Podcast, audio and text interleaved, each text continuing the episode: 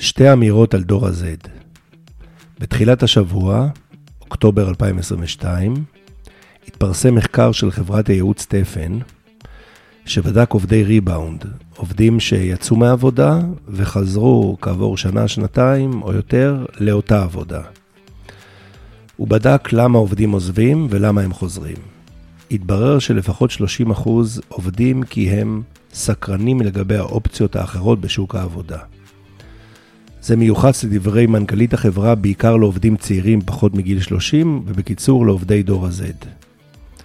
הם עוזבים בגלל פומו, לראות מה האפשרויות, לא משנה אם טוב להם או רע להם בעבודה. אה, לשם השוואה, רק חמישה אחוז עוזבים, כי הם לא מסתדרים עם המנהל. מה שמעניין זה גם למה הם חוזרים. 30% מהעובדים שחוזרים, חוזרים כי מרגישים שהעבודה היא, או מקום העבודה הקודם, הוא עבורם היה כמו בית. מה זה אומר כמו בית? מה, היה שם סלון יפה? כמו בית מדובר על היחס של החברה, או בעיקר, איך אתה מסתדר עם האנשים האחרים, כמה אתה מרגיש שייך. זה מחזיר אותנו לשני עקרונות.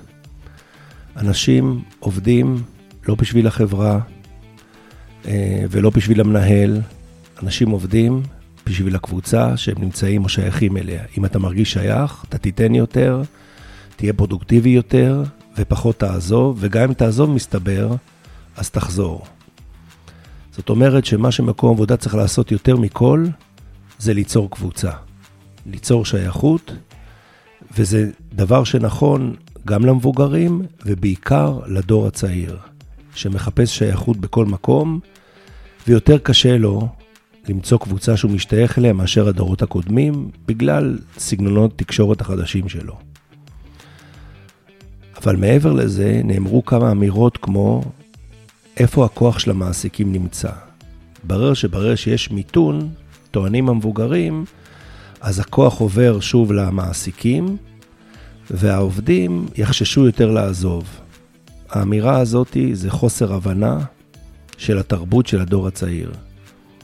הדור הצעיר יעזוב כי הוא עוזב, כי הוא עוזב ומחפש איפה יכול להיות יותר טוב, איפה הוא פספס, אלה אותם 30 אחוז.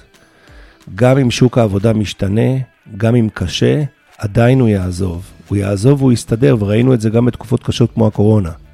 גם הוא יחזור להורים, גם אם הוא יחיה בצמצום, הוא יעזוב כי אולי יש אפשרות מקום אחר. הכוח של המעסיקים לא יהיה יותר ולא יחזור יותר לעולם לכוח שהוא היה. התקופה הזאת נגמרה. עכשיו מה שצריך ליצור זה שייכות. תן לו להיות שייך, תיצור קבוצה, גם אם הוא יצא, הוא יחזור אליך ויחזור יותר טוב, והוא יחזור לבית. אז יאללה, תתחברו.